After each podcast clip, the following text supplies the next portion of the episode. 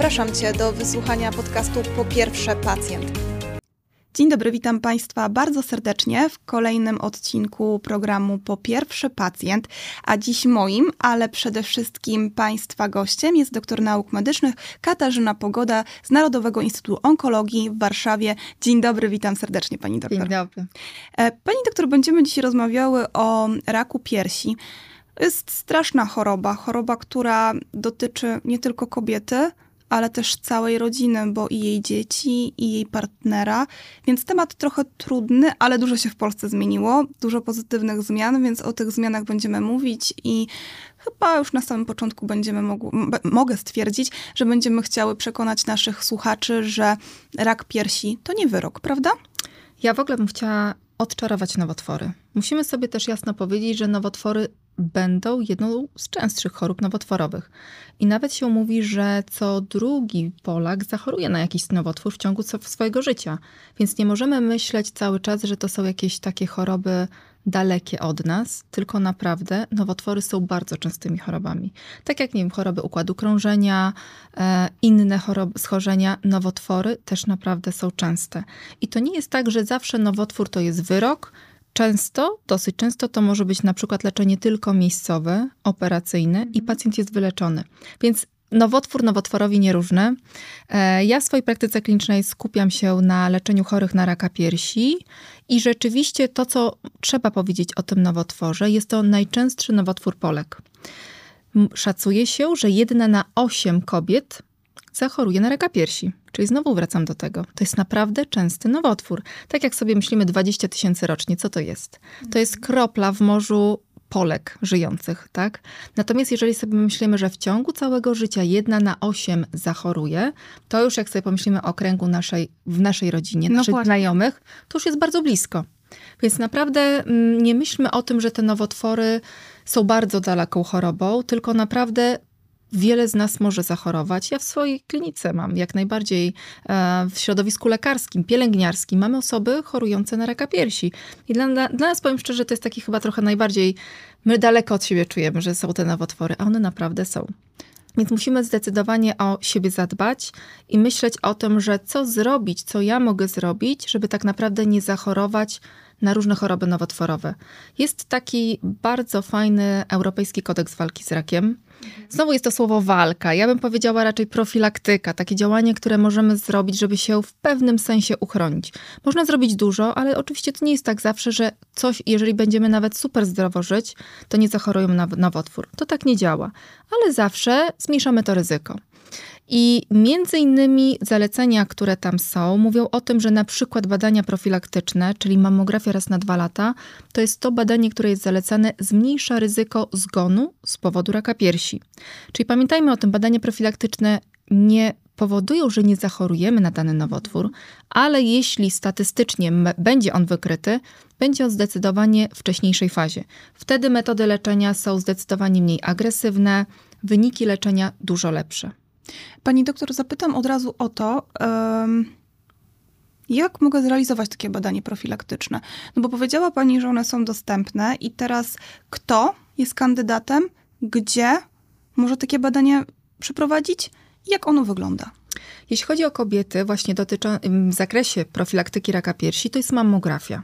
Na dzień dzisiejszy jest to badanie dedykowane paniom w wieku pomiędzy 50-69 lat, aby raz na dwa lata wykonywały takie badanie mammograficzne. Czyli jest kobieta zdrowa, nic sobie nie wyczuwa w piersiach, wszystko jest w porządku, no ale chce siebie sprawdzić. Wtedy nie trzeba żadnego skierowania, dowód osobisty i tak naprawdę udaje się do placówki, które takie badania wykonuje. Na stronie każdego NFZ-u, takiego regionalnego, są placówki, które wykonują takie badania.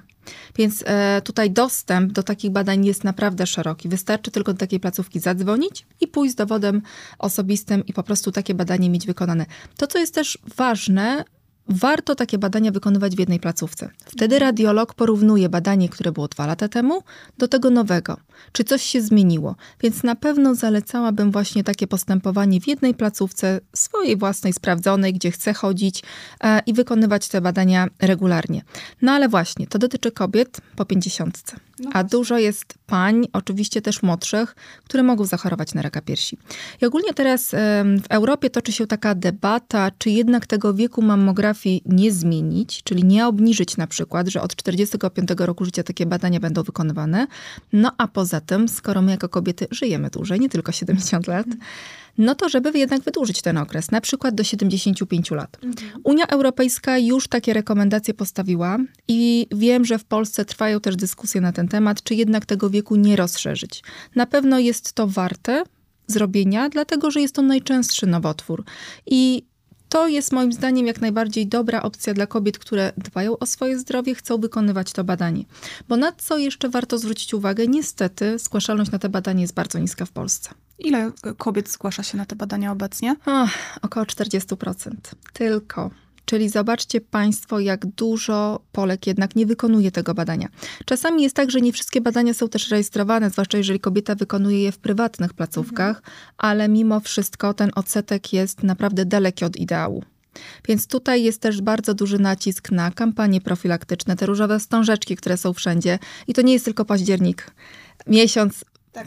pamięci o raku piersi, ale naprawdę to jest cały rok. Więc myślę, że taką, no trzeba sobie troszeczkę samodyscyplinę włączyć i jeżeli przychodzi ten czas 50, zacząć badania profilaktyczne. Mówię o mamografii.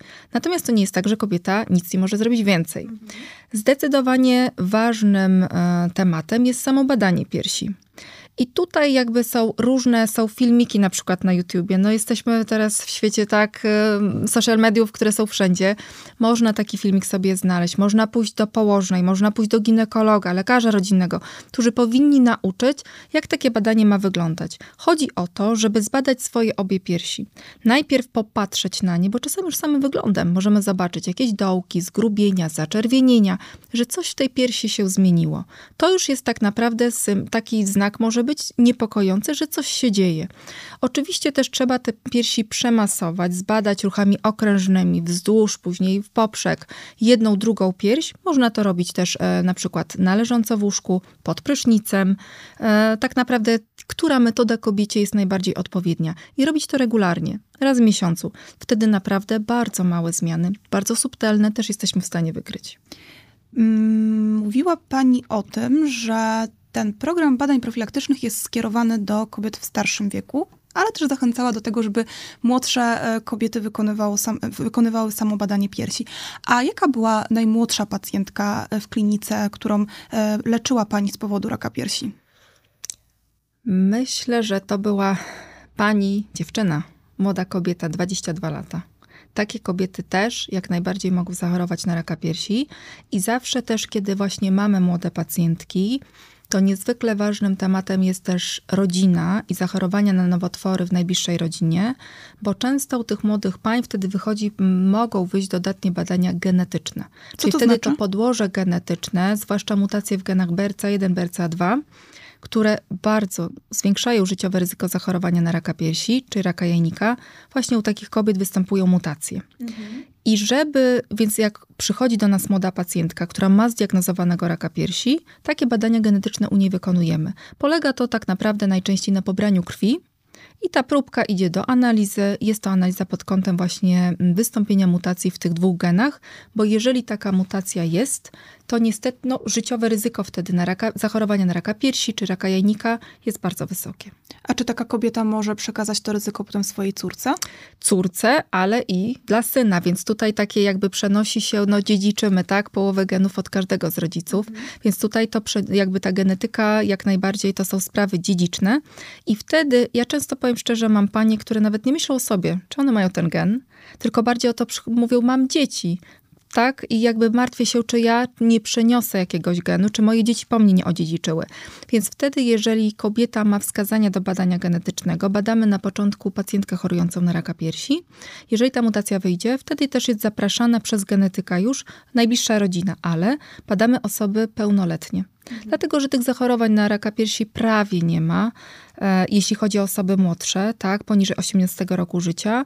Natomiast później jak najbardziej, no to też chodzi o takie trochę życie jednak w spokoju, tak, do tej osiemnastki, e, jeżeli nie ma potrzebnego tutaj niepokoju w tej mhm. sytuacji. Natomiast później jak najbardziej osoby pełnoletnie mają wykonywane badania genetyczne, no i jeżeli właśnie jest mutacja, Wtedy jak najbardziej można wykonywać e, operacje profilaktyczne. My to tak nazywamy. To są tak naprawdę operacje zmniejszające ryzyko zachorowania na raka piersi. Na czym one polegają?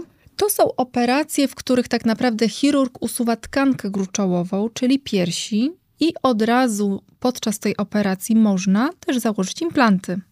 Czyli tak naprawdę pacjentka wjeżdża z biustem na stół operacyjny i wyjeżdża również z biustem. I nie ukrywam, że czasami słyszę, że ten nowy biust jest nawet lepszy. Bo są to implanty po prostu. Mhm. Te operacje są refundowane? Tak, od kilku lat mamy refundację, więc naprawdę to są metody leczenia, które są dostępne dla naszych Polek. Zapytam jeszcze, czy jako młoda kobieta, która wie, że na przykład jej mama albo babcia chorowały na raka piersi, ale no wiadomo, że ta diagnostyka, o której pani powiedziała, genetyczna, mogła nie być jeszcze dostępna, mogła nie zostać przeprowadzona u takiej mamy, to czy wypadałoby, żebym ja też się przebadała, żebym sprawdziła, czy ja nie mówię tutaj o badaniu profilaktycznym, czy o badaniu, e, samobadaniu piersi, ale właśnie o badaniu genetycznym. Czy takie badanie powinnam wykonać? Na początku powinna pójść pacjentka, która chorowała na raka piersi, na przykład do genetyka. Genetyk zbiera wywiad, ile osób zachorowało, w jakim wieku była ta pani, która zachorowała na raka piersi. Jeżeli on widzi wskazania, to wtedy właśnie przede wszystkim bada się kobietę, która zachorowała na raka piersi.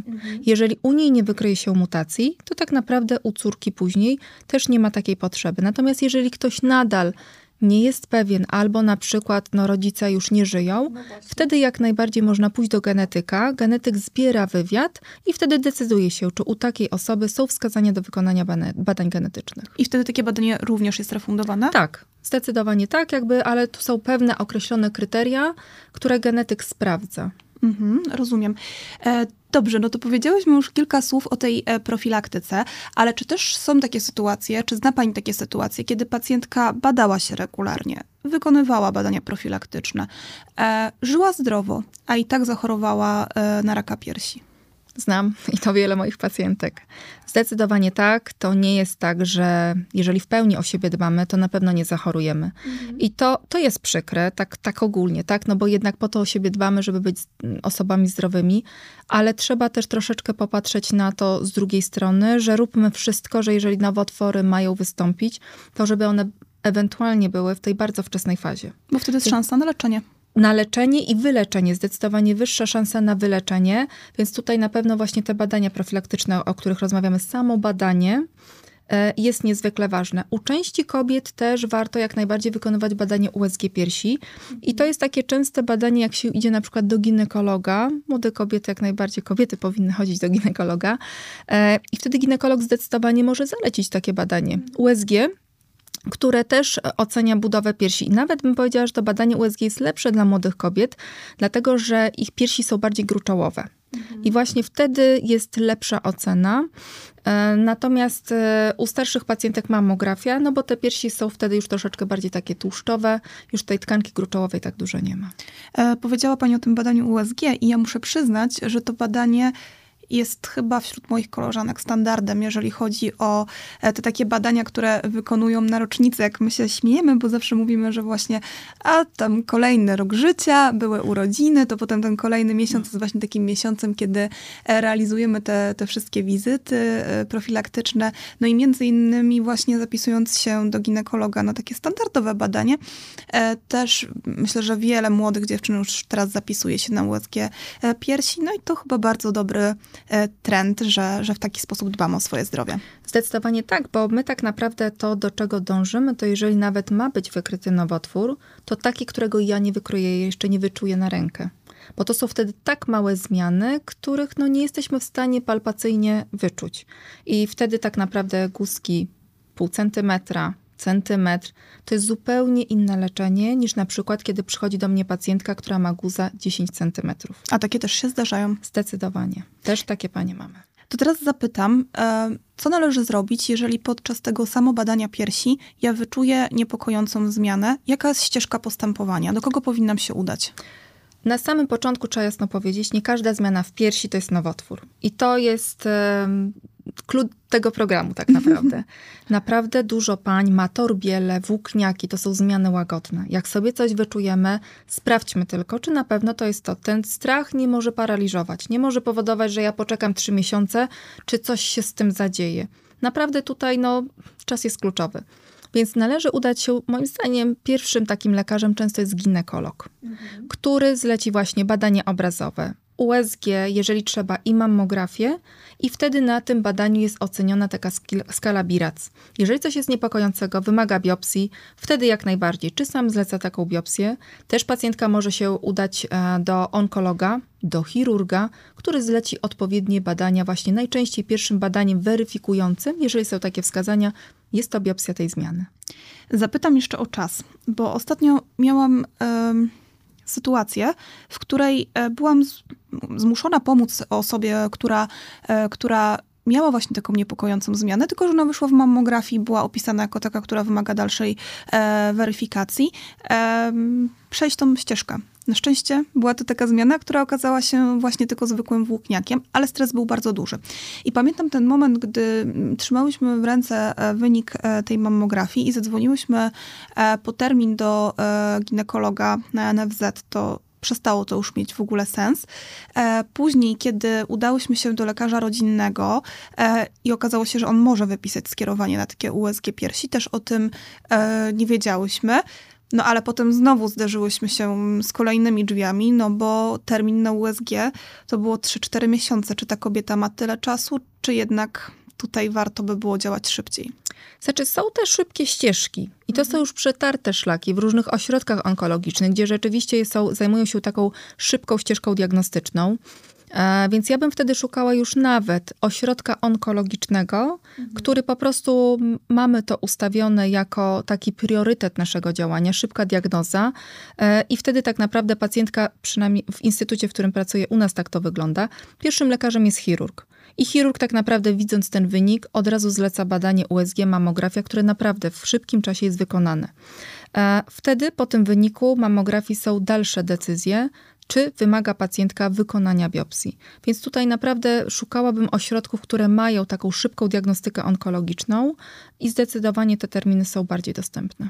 Mm, zapytam teraz o ośrodki doskonałości, bo powiedziała Pani o ośrodkach, które realizują e, szybką diagnostykę i to są prawdopodobnie też te same ośrodki, które mhm. właśnie są takimi ośrodkami e, doskonałości. Czym zajmują się te ośrodki i czy faktycznie kluczowe dla pacjentki, u której zmiana okazuje się nowotworem, e, który wymaga dalszego leczenia, czy kluczowe jest dla niej to, żeby właśnie takiego ośrodka ośrodka e, trafiła i żeby tam kontynuowała swoje leczenie.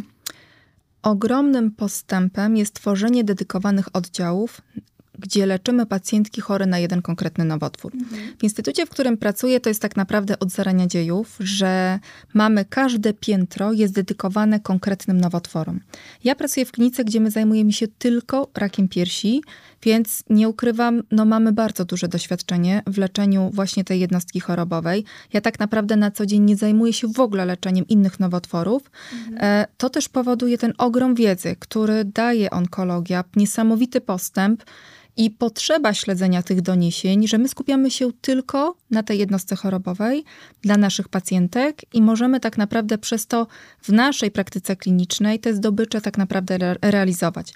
I obecnie tworzone są różne oddziały. Ten Breast Cancer Unit, czyli takie oddziały piersiowe, to jest właśnie ten początek takich narządowych klinik dedykowanych chorym na jeden konkretny nowotwór. I w mojej ocenie to jest bardzo ważna rzecz. Taki też jest trend światowy. Po prostu wyniki, udowodniono, że wyniki leczenia w takim ośrodku są lepsze niż w klinice ogólnej, która zajmuje się leczeniem wszystkich nowotworów. Ten postęp jest tak niesamowity. To nie jest tak, że przychodzi pacjentka, dostaje chemioterapię jakąkolwiek, dwa, trzy schematy, co tam będzie. Teraz naprawdę każda sytuacja jest bardzo różna i czasami niezwykle ważne są te niuanse, mhm. żeby jednak w tym wszystkim się odnaleźć i zaproponować jak najlepsze leczenie. Zapytam jeszcze o leczenie operacyjne, bo pacjentki chyba najbardziej boją się tego leczenia operacyjnego i straty piersi. Czy każda operacja, czy każdy, może czy każdy rak piersi wiąże się z tym, że ona radykalnie jest e, wycinana? I to jest znowu pewien taki mit, który zdecydowanie musimy obalić. To jest tak, ja na przestrzeni lat, kiedy pracuję jako onkolog, obserwuję tych mastektomii jest naprawdę dużo, dużo mniej. Mhm.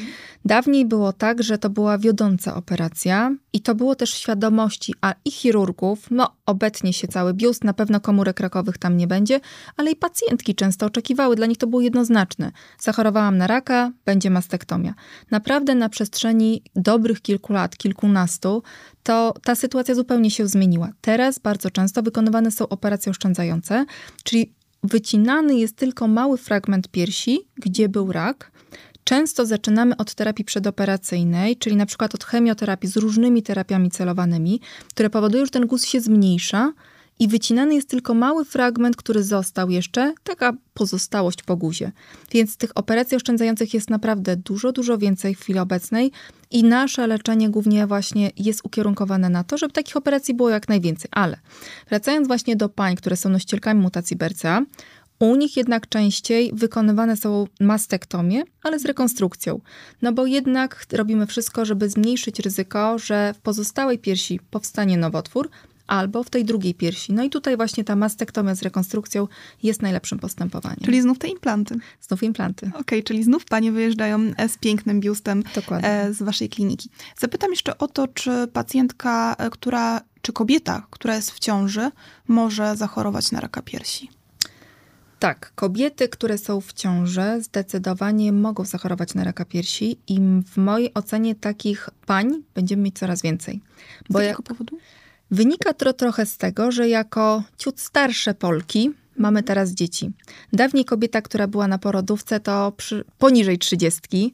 Teraz w chwili obecnej rzeczywiście rodzą kobiety, trudno powiedzieć o 30 parę albo 40, że to jest starsza kobieta, ale jednak ten wiek poszedł troszeczkę do góry. Co też statystycznie powoduje, że no jednak im starsza kobieta, mimo że dalej młoda, to wtedy ryzyko zachorowania na raka piersi też rośnie. Jest troszeczkę ciutkę większe niż u pacjentki na przykład 25 lat, u takiej kobiety 40-letniej. Mhm. Więc obserwujemy, mamy takie panie, które zaszły w ciążę i je leczymy z powodu nowotworu. E, zanim zapytam, czy to leczenie jest bezpieczne, to zapytam, jak badać piersi w ciąży. Samodzielnie na przykład, bo wydaje mi się, że to może być wyzwanie. Zdecydowanie to jest ogromne wyzwanie, ale też USG piersi. To jest bezpieczne jak najbardziej. Przecież wykonujemy badanie tak, żeby zobaczyć dziedzisia, e, więc też badanie piersi za pomocą badania USG jak najbardziej jest wskazane u kobiety, która jest w ciąży, ale też u kobiet karmiących. Mhm, Okej, okay. to teraz zapytam o te metody leczenia. Czy kobiety, które są w ciąży e, i zachorują na raka piersi, e, mogą być bezpiecznie leczone? Czy to, jest, czy to leczenie jest bezpieczne dla pacjentki, ale także dla jej dziecka? Jeśli chodzi o chemioterapię, to możemy ją rozpocząć od drugiego trymestru ciąży, czyli musimy poczekać na ten okres najbardziej wrażliwy, kiedy ten mały dzidziuś się rozwija i wtedy rzeczywiście no te, mm, ten pierwszy trymestr musimy odczekać. Natomiast w drugi, trzeci to jest ten moment, kiedy możemy stosować chemioterapię. Jest też tak, że nie możemy stosować terapii pewnych celowanych, na przykład terapii anty-HER2, która jest ważna w raku HER2 dodatnim, mhm. bo to jednak zwiększa ryzyko powikłań u dziecka. Więc pewne terapie są przeciwwskazane, ale to zupełnie nie oznacza, że takie kobiety nie możemy leczyć. Więc ja też w swojej praktyce mam takie pacjentki, które leczyłam z powodu raka piersi w ciąży i te panie urodziły zdrowe dzieci. Więc tutaj mamy naprawdę duże możliwości terapeutyczne i nawet jeżeli kobieta jest w ciąży i coś wyczuwa, no nie można zganiać na to, że to jest już przebudowa taka tkanki piersiowej, a, która no, nie może być nowotworem. Może, dlatego na pewno wtedy pierwszym szybkim badaniem jest USG piersi. Zapytam jeszcze o inną sytuację, kiedy rozmawiamy o młodych kobietach. Czy dziewczyna, która zachorowała na raka piersi, powiedzmy mając 30 lat i nie rodząc jeszcze dzieci, albo mając już dziecko, e, kiedy wyzdrowieje, może bezpiecznie zajść w ciążę? Może pod warunkiem, że na początku z nią o tym porozmawiamy. Okej. Okay. To jest tak, że kiedy zaczynamy nasze leczenie onkologiczne, jednym z pierwszych pytań, jeżeli jest planowane leczenie systemowe, no myślę teraz właśnie o pacjentkach chorujących na raka piersi, trzeba właśnie zapytać, czy pani już jakby zrealizowała swoje plany macierzyńskie. I mam różne odpowiedzi, bardzo różne. Mam też takie panie, które są koło 40 i mówią tak, ja, do, ja teraz planowałam ciążę. Więc tu trudno się jakby mm, ograniczać do jakiegoś konkretnego wieku, kiedy to pytanie warto zadać, mhm. bo to naprawdę na przestrzeni ostatnich lat bardzo się zmieniło, ale trzeba je zadać. I wtedy w tej sytuacji kobieta może decydować się na metody zachowania płodności. Mhm. Czyli wysyłamy wtedy taką pacjentkę do ginekologa, który zajmuje się za metodami zachowania płodności i tutaj są różne metody. Mrożenie tkanki jajnika, pobieranie AOC-ów, mrożenie zarodków.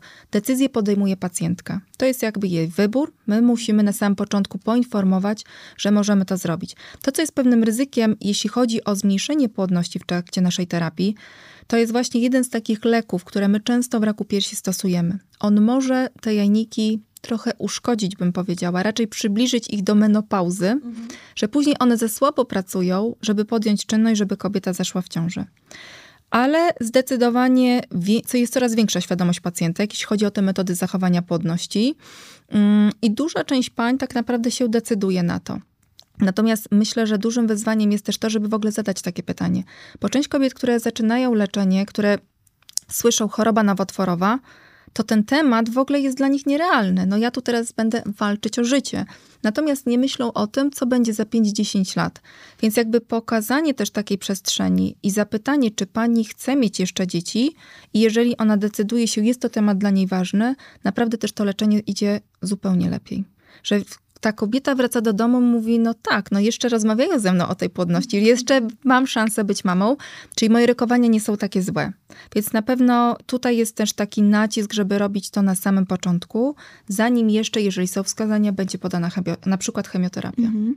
Myślę o tym, że to bardzo wiele zależy w tym momencie od lekarzy, ale my tu jesteśmy w programie dla pacjentów i chyba warto, żebyśmy właśnie o tym mówiły. I też myślę, że wielokrotnie w tym programie mówię o tym, że nie ma głupich pytań e, ze strony pacjentów i że jeżeli nasz lekarz nas o tym nie poinformował, to zadanie mu pytania o to, czy będę mogła mieć dzieci po leczeniu, albo panie doktorze, pani doktor, czy możemy coś zrobić, żebym mogła jeszcze zajść w ciążę w przyszłości, jest jak najbardziej pytaniem na miejscu i absolutnie nie ma się czego wstydzić, obawiać, po prostu trzeba to pytanie zadać. To jest żadne, to jest w ogóle nie w kategorię głupiego pytania. Ja czasami słyszę bardzo abstrakcyjne pytanie, czy mogę się napić kawy. Naprawdę. E, więc to jest bardzo naturalne pytanie. Ja uważam, że wręcz jako młodego pacjenta, pacjentki to jest obowiązek nasz, żeby o tych rzeczach rozmawiać. Ja też mam taką, takie trochę przeczucie, że my jednak jako Pols, Polacy, jako też kontakt taki z lekarzem, czasami o tych sprawach związanych też z seksualnością, właśnie z potomstwem, jest taka troszeczkę bariera. I na pewno no, my musimy jednak próbować i pytać o to naszych pacjentów, bo to jest też niezwykle ważna sfera ich życia. Ja myślę, że w Polsce generalnie to jest temat tabu. Nieważne, czy rozmawiamy z lekarzami, czy z psychologiem, czy chyba nawet ze znajomymi. E, myślę, że wiele osób nie porusza tych tematów, a są to tematy przecież dla nas ważne, które e, nas uszczęśliwiają. Zdecydowanie. Więc, tak, więc trzeba o tym mówić i, i nie ma się czego wstydzić. E, zapytam jeszcze o taką dość trudną sytuację. Czy kobieta, która zachorowała raz na raka piersi, została wyleczona, czy to radykalnie, czy była leczona systemowo i u niej ten nowotwór nie powrócił, czy on może powrócić za kilka lat, za 5-10 lat? Czy ta kobieta cały czas żyje w takim stresie, że ten rak może się u niej pojawić? Ten rak może wrócić w każdym czasie, nawet i po 20 latach. Więc tutaj nie ma takiej zasady, że na pewno możemy komuś powiedzieć, że na 100% ta choroba nie wróci. W mojej ocenie to nawet bym powiedziała, że to jest taka trochę nieodpowiedzialność, jeżeli taką odpowiedź na pewno udzielimy, bo my nie wiemy tak naprawdę, czy u danej pacjentki na 100% nie będzie tego nawrotu, tak samo jak my nie wiemy, czy my zachorujemy. Więc tutaj jest bardzo dużo niewiadomych. Natomiast my zawsze nasze postępowanie jakby patrzymy na to, jakie są czynniki ryzyka nawrotu choroby i wtedy odpowiednio je dobieramy. Czyli na przykład większe ryzyko nawrotu, to ja będę stosować chemioterapię. Jeżeli to jest nowotwór pewien, który ma na przykład na sobie takie receptory HER2 w dużej ilości, będę stosować leki właśnie na ten receptor. Jeżeli kobieta ma raka hormonozależnego, co jest oceniane w materiale patologicznym, wtedy będę stosować hormonoterapię, czyli bardzo dobieramy leki, które stosujemy właśnie dla konkretnej pacjentki. I na przykład pacjentka ma mniejsze ryzyko nawrotu, to ja powiem, proszę stosować te tabletki 5 lat. a jeżeli ma liczne węzły chłonne zajęte, do 10 lat. Czyli to wszystko jest tutaj bardzo uzależnione od tego, co tak naprawdę w tym materiale patologicznym będzie. I ja rozumiem, że taka pacjentka pozostaje pod y, kontrolą kliniki, w której była leczona. No i to jest też taki temat, e, gdzie, to, gdzie jest ogromnym wyzwaniem. Bo tak jak rozmawiamy, to myślę, że ten przekaz już poszedł, że wyniki leczenia chorych na raka piersi są bardzo dobre. Mhm. Każdego roku choruje 20 tysięcy Polek. Więc jak pomnożymy sobie przez ilość pań, które jakby chorują na raka piersi albo chorowały, to w naszym społeczeństwie są naprawdę, jest bardzo liczna grupa pań, które chorowały. My jako onkolodzy nas tak nie przyrasta. Liczby lekarzy, którzy zajmują się nowotworami, nie ma tak wielu. Mhm. Więc to powoduje, że rzeczywiście teraz stykamy się z takim dosyć dużym problemem, że kobiet, które są w obserwacji, jest bardzo dużo i no, nie jesteśmy w stanie tak w stuprocentowo zapewnić na pewno tej opieki. Więc tutaj no, trwa obecnie dyskusja, jak ten problem systemowy powinien być załatwiony, bo ja jako onkolog naprawdę, też w mojej ocenie, nie wydaje mi się, że ja muszę kontrolować panie, które chorowały 20-30 lat temu. Poza tym te kobiety trzeba wyprowadzić z ośrodka onkologicznego. No po co ma wracać? Ciągle te emocje wracają, nerwy, stres, który no, niektóre panie mówią, one kilka dni przed taką wizytą po prostu już nie mogą spać. Więc nie ma potrzeby, żeby, żebyśmy działali stresem. Mhm. Zdecydowanie tutaj część takiej opieki, też wykonywanie badań profilaktycznych, później takich jakby oceniających, czy coś się w piersiach na przykład nie dzieje, no powinni jednak nas tutaj wspomóc lekarze rodzinni. Więc trwają takie dyskusje. Mam nadzieję, że rzeczywiście tutaj no, będziemy mieć duże wsparcie, bo nie ukrywam, to jest y, taki element, gdzie ja widzę z roku na rok po prostu zaczynamy być mniej wydolni. E, wymieniła Pani bardzo dużo tych różnych leków, które stosujemy obecnie w leczeniu raka piersi. Ja wiem, że większość tych leków, a praktycznie wszystkie, o których Pani mówiła, są dostępne w programie lekowym, czyli w takim worku, gdzie są wszystkie terapie, z których e, Pani korzysta, lecząc, e, lecząc pacjentki, lecząc kobiety. No właśnie, ale teraz chciałabym, żeby to może z Pani ust padło. Jak to leczenie wygląda dziś, a jak wyglądało 5-10 lat temu i dlaczego jest tak dobrze? To jest w ogóle przepaść. To, co bym porównała 5-10 lat temu, to była zupełnie inna onkologia. To była onkologia, która była dla większości osób chorujących bardzo do siebie podobna, kiedy tak nie celowaliśmy jeszcze w różne receptory, nie było immunoterapii, to były zupełnie inne czasy. Chwili obecnej e, leczymy za pomocą bardzo nowoczesnych terapii, które są potwierdzone w badaniach klinicznych i które są niesamowitym postępem w leczeniu naszych pacjentek. To, co ja najbardziej widzę, to ten postęp na przykład w leczeniu raka przerzutowego. Dawniej było tak, że nasze panie chorujące, które, u których wystąpił nawrót choroby albo które pierwotnie miały przerzuty odległe, średni czas przeżycia to były 2-3 lata. W chwili obecnej ja na przykład mam takie pacjentki, które są na jednym leku leczone 7 lat. I takich obserwacji mamy w swojej praktyce klinicznej jako onkolodzy naprawdę wielu chorych. Więc to pokazuje, jak bardzo te nowe leki poprawiają rokowanie pacjentek. Te panie, które udało się na szczęście, że na przykład załapały na takiej terapii, że ta choroba jest kontrolowana, przerzuty się zmniejszyły, one normalnie pracują, um, uprawiają sporty, wyjeżdżają z rodziną, mają ten czas z wnukami. To jest niesamowity postęp. Dawniej na pewno byśmy o tym nie powiedzieli. W chwili obecnej u części chorych na pewno tak możemy mówić, że rak przerzutowy to choroba przewlekła. Y, a zapytam jeszcze, czy po leczeniu onkologicznym, mimo tego, że panie żyją normalnie, mogą się jednak pojawić jakieś powikłania i czy one w jakimś stopniu ograniczają to życie y, pacjentki? Powikłań leczenia onkologicznego jest dosyć dużo. I wszystko zależy od tego, jakie leki pacjentka przyjmowała, albo czy na przykład obecnie jest na jakiejś terapii. Bo tak jak rozmawiałyśmy w przypadku na przykład hormonoterapii, jest to leczenie tabletkowe 5, a nawet 10 lat. Często pacjentki uskarżają się na bóle kostne, uderzenia gorąca. Mhm. Więc jak sobie pomyślimy, przez 10 lat z takimi objawami trzeba funkcjonować, jest dosyć trudno. Więc tutaj to jest tak naprawdę zastanowienie się, co mogę zrobić, żeby ograniczyć nasilenie tych powikłań. Są różne metody, które no niestety nie do końca czasami pozwalają, że te objawy są ograniczone. Ale też myślę sobie o tym, że bardzo dużo zależy od tego, na ile mam zmotywowaną pacjentkę, że ona chce brać te leki, że jest przekonana do terapii i tak naprawdę troszkę lepiej funkcjonuje, nawet mając pewne objawy. Więc tutaj to dużo zależy też tak naprawdę od psychiki pacjentki, którą leczę. E, zapytam jeszcze, e, czy jeżeli kobieta wie, że już wie, że choruje na raka piersi, wie, że będzie miała stosowane leczenie onkologiczne i że to będzie leczenie systemowe, czyli w postaci wlewów czy też e, tabletek, to czy ona może w jakiś sposób przygotować swój organizm, żeby na przykład to leczenie lepiej tolerować, czy jakoś zmienić postępowanie, e, jakimi zasadami się kierować? Ja zawsze mówię, że i tak choroba onkologiczna to jest tak naprawdę rewolucja w życiu. Nie można swoimi zasadami życia nowymi też robić drugiej rewolucji, bo to już będzie za dużo. Oczywiście, jeżeli ktoś e, no, bardzo niezdrowo się prowadził, to zdecydowanie zalecam zdrowy tryb życia.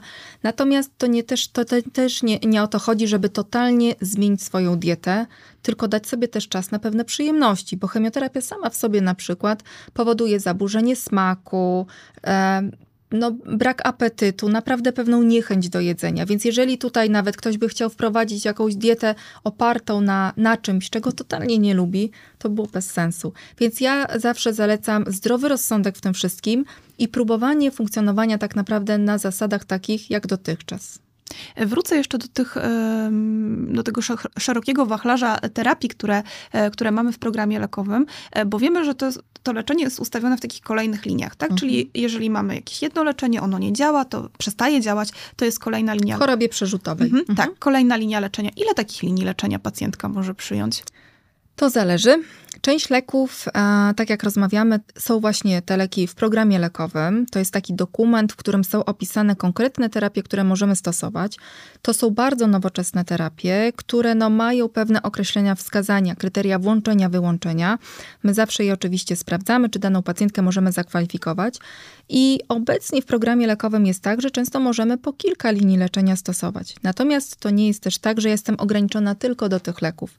Jest bardzo dużo innych leków, na przykład chemioterapii, które już nie ma w programie lekowym, są normalnie w katalogu i ja mogę też je swobodnie stosować. Więc chodzi tylko bardziej o to, żeby pacjentka była na tyle na sile, żebym ja mogła mieć szansę tych wiele linii leczenia stosować. Bo czasami jest jednak tak, że tak naprawdę jest szybka progresja po jednym, drugim leku, może się tak zdarzyć, no i wtedy jednak pacjentka tak naprawdę tych wielu linii leczenia no nie dożyje.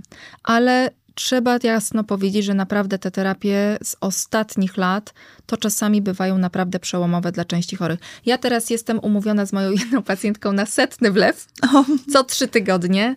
E, I to są naprawdę też takie duże radości dla nas, dla onkologów, że rozpisujemy taką setną terapię. To jest takie małe święto. No właśnie, kilka lat temu myślę, że nie mogliśmy nawet o tym marzyć. Um, a zapytam o badania kliniczne. Mhm. No właśnie, bo to znów jakiś taki kolejny element tego, tych zasobów, którymi mhm. Państwo dysponują, które dają pacjentce jeszcze większe szanse. I wiem, że w Polsce, e, w Narodowym Instytucie Onkologii, takich badań klinicznych toczy się bardzo wiele. Tak, i to jest e, też taki element leczenia, który jest bardzo potrzebny.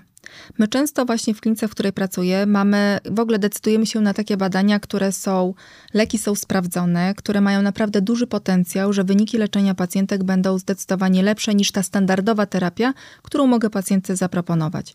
I leki, które my często stosujemy w badaniach klinicznych, później są już rejestrowane jako te postępy w onkologii, a my czekamy na przykład na etap refundacji. Mhm. Więc to, że pacjentka dana już bardzo nowoczesną terapią jest przeleczona wcześniej, to jest jej ten zysk, ta korzyść, że miała szansę taką bardzo nowoczesną terapię już mieć zastosowaną, zanim w ogóle lek się pojawił na rynku europejskim.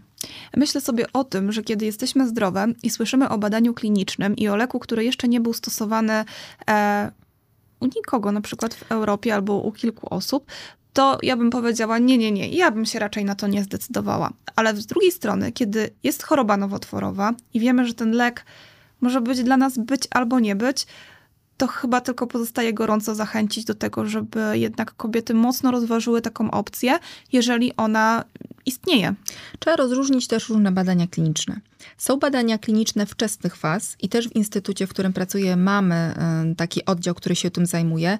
Jest to też bardzo potrzebny ośrodek, bo często te badania kliniczne są dedykowane pacjentom, u którym już standardowo nic nie można zaproponować. I wtedy tak naprawdę to są właśnie wprowadzane te nowe terapie u poszczególnych chorych, którym tak naprawdę wielu onkologów w Polsce nie miałby już co podać. Wtedy jest to taka dodatkowa opcja, a nóż na tej nowej terapii pacjent będzie miał się dobrze. Natomiast w badaniach klinicznych trzeciej fazy na przykład, o które u nas często są w klinice, to są leki, które już wcześniej w poprzednich badaniach były przebadane na mniejszej grupie pacjentów, wykazały się bardzo wysokim potencjałem skutecznością i teraz są one sprawdzane w większym badaniu klinicznym, takim międzynarodowym. Więc to też trzeba rozróżnić, z jakim badaniem mamy do czynienia. Ale myślę, że też można o tym śmiało porozmawiać ze swoim lekarzem, zapytać, nawet jeżeli nam nie proponuje, to po prostu zapytać, czy jest jakieś badanie kliniczne. I też myślę, że chyba kliniki, jeżeli dobrze kojarzę, wymieniają się pacjentami, że jeżeli e, powiedzmy w Warszawie takie badanie nie jest prowadzone, ale jest prowadzone w Olsztynie, to nie ma żadnych przeciwwskazań, żeby pacjentka do tego Olsztyna podróżowała, prawda? Oczywiście. Tu pacjent tak naprawdę decyduje, czy chce tak, czy jest zainteresowany takim leczeniem. E, dużo dzisiaj dobrego powiedziałyśmy o, o tym leczeniu raka piersi, ale może jest jakaś taka pozytywna historia, która w pamięci e, pani doktor utknęła, którą chciałaby e, naszym słuchaczom opowiedzieć właśnie dotyczącą e, leczenia raka piersi. Tak, myślę, że taką bardzo pozytywną, e, takie pozytywne historie to są właśnie z badań klinicznych. Bo często jest tak, że jeżeli e, dużo badań prowadzimy na przykład e, w chorobie przerzutowej, i wiemy, że w, na przykład w niektórych sytuacjach klinicznych możemy zaproponować bardzo mało, natomiast kiedy mamy badania kliniczne z nową terapią i ja widzę, że pacjentka na przykład jest leczona danym lekiem rok, co do tej pory w ogóle byłoby totalnie nieosiągalne, mhm. to są nasze te takie małe sukcesy. Kiedy widzimy kolejne badanie obrazowe, bo w badaniach często badania obrazowe są na przykład co trzy miesiące albo troszkę częściej i ciągle nowotwór na przykład się zmniejsza albo w ogóle nie rośnie dalej. Czyli widać, że w końcu to jest taka terapia, terapia, która rzeczywiście kontroluje chorobę. I to są że takie postępy w onkologii, które my widzimy tak naprawdę na co dzień. Więc to daje nam no, też bardzo dużo energii yy, i widać to naprawdę no, na naszych pacjentach. E, pani doktor, to teraz ja poproszę o trzy najważniejsze kwestie, które dzisiaj każda kobieta słuchająca nasz program powinna zapamiętać, które może zrobić dla swojego zdrowia i dla swoich, e, dla swoich piersi. Pierwsza to myślę, co też mi trudno jest ciągle sobie przypominać, ta świadomość. Jedna na osiem z nas zachoruje na raka piersi. Nie chcę straszyć, ale jednak niech to gdzieś zostanie. Druga rzecz, mogę zrobić dużo, żeby tego raka, ewentualnie guzek jakiś, wykryć na bardzo wczesnym etapie. Dlatego to, co powinnyśmy robić, rzeczywiście to samo badanie piersi. Dbamy o siebie, wykonujemy. Jeżeli jesteśmy już w wieku, kiedy mamografia nam przysługuje, zdecydowanie robimy też mamografię. Możemy się wcześniej decydować na USG piersi. A trzecia rzecz, zadbajmy o nasze mamy, o nasze siostry, ciocie, pytajmy, kiedy robiły mammografię, bo czasami naprawdę wydaje nam się to takim banałem, ale czasami warto zadać to pytanie i na pewno zadbać też o osoby wokół nas. A ja jeszcze zapytam o jedną kwestię związaną właśnie z mammografią, bo ja kojarzę, że e, kiedyś do mojej mamy przychodziły takie listy, mhm. które zapraszały ją na badanie i mama tam zawsze, był taki dość ważny moment, bo, bo ją zaproszono, więc ona też bardziej czuła, że powinna pójść. Motywowało ją to. E, czy te listy dalej są wysyłane? Niestety nie, bo jesteśmy w erze RODO. No i te listy rzeczywiście zostały zaprzestane, natomiast no, ja ubolewam nad tym. Zdecydowanie bym wolała, żeby te listy docierały do Polek, więc tutaj to jest tak naprawdę ten etap, kiedy trzeba wziąć naprawdę zdrowie we własne ręce i sobie wpisać. To jest też tak, że to jest badanie co dwa lata, bo tak to co roku gdzieś konkretny miesiąc by nam się kojarzył, no ale trzeba sobie pomyśleć, czy lata parzyste, czy nieparzyste, kiedy wykonujemy to badanie, żeby po prostu to był taki stały nasz element dbania o własne zdrowie.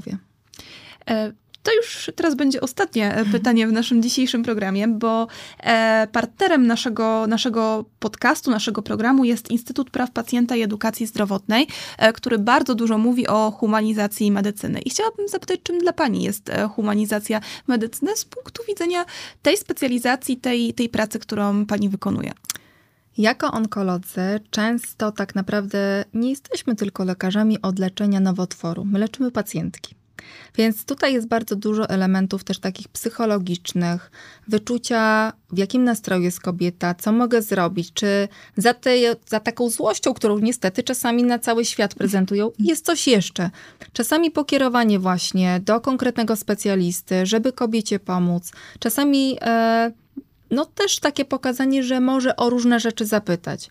Więc tutaj na pewno tych elementów takich poza wynikami HIST, receptorami, bardzo skomplikowanym leczeniem, to jest tak naprawdę ten kontakt e, z pacjentem. E, I to jest w ogóle dla mnie teraz niesamowity moment, jak my zdjęliśmy maseczki. Ja w końcu widzę w pełni mojej pacjentki, bo wcześniej było to mocno utrudnione, tak? Miałam tylko oczy, widziałam często, no nie widziałam całej twarzy. Więc ja teraz na przykład na nowo poznaję moje panie. I to jest wtedy niesamowite. Ja widzę i od razu w jakim jest nastroju, czy coś powinnam zrobić więcej.